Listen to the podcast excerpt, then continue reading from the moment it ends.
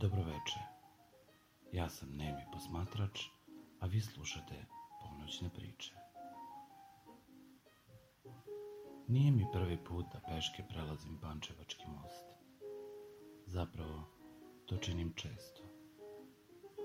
Noću malo ređe. Filharmonija jakih vetrova zviždi oko stubova masivne čelične konstrukcije krila usamljenog galeba mačaju sa vetrovima, gubeći pravo na slobodan let. Zašto nije ostao među svojim jatom, na bezbednom, koje na vrhu mosta čuči kao velelepna dekoracija koja svakodnevno oživljava monohromni most? Šta dokazuje? još ne shvata da samostalna borba protiv vetrova najčešće bude fatalna. On ne odustaje, bori se do kraja. Igra se predstava koja nema reprizu. Bez obzira na ishod, on je pobednik. Korak po korak, Prljavam usne grožđenom mašću kako bih izborio sobstvenu bitku sa vetrovima, približavam se silazu sa mosta. Semafor trepće žuto. Adrenalin proradi u trenutku kada treba napraviti izbor.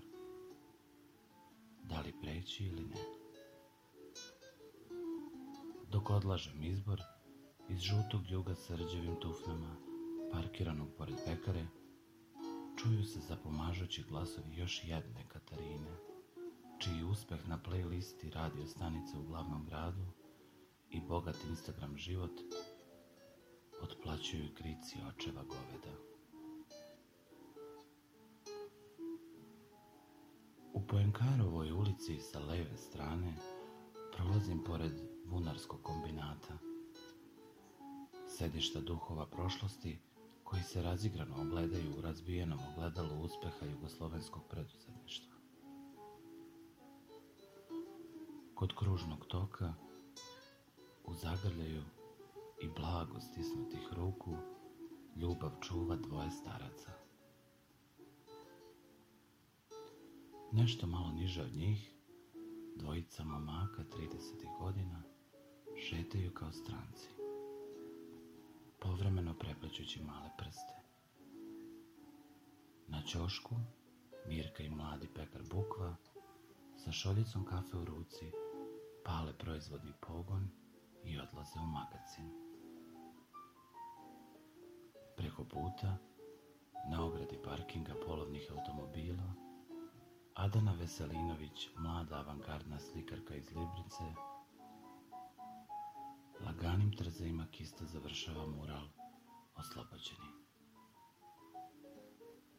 neshvaćeni, kriju se u mraku i tišini. Ne mogu da se oprostim za večeras, a pa da te ne pitam.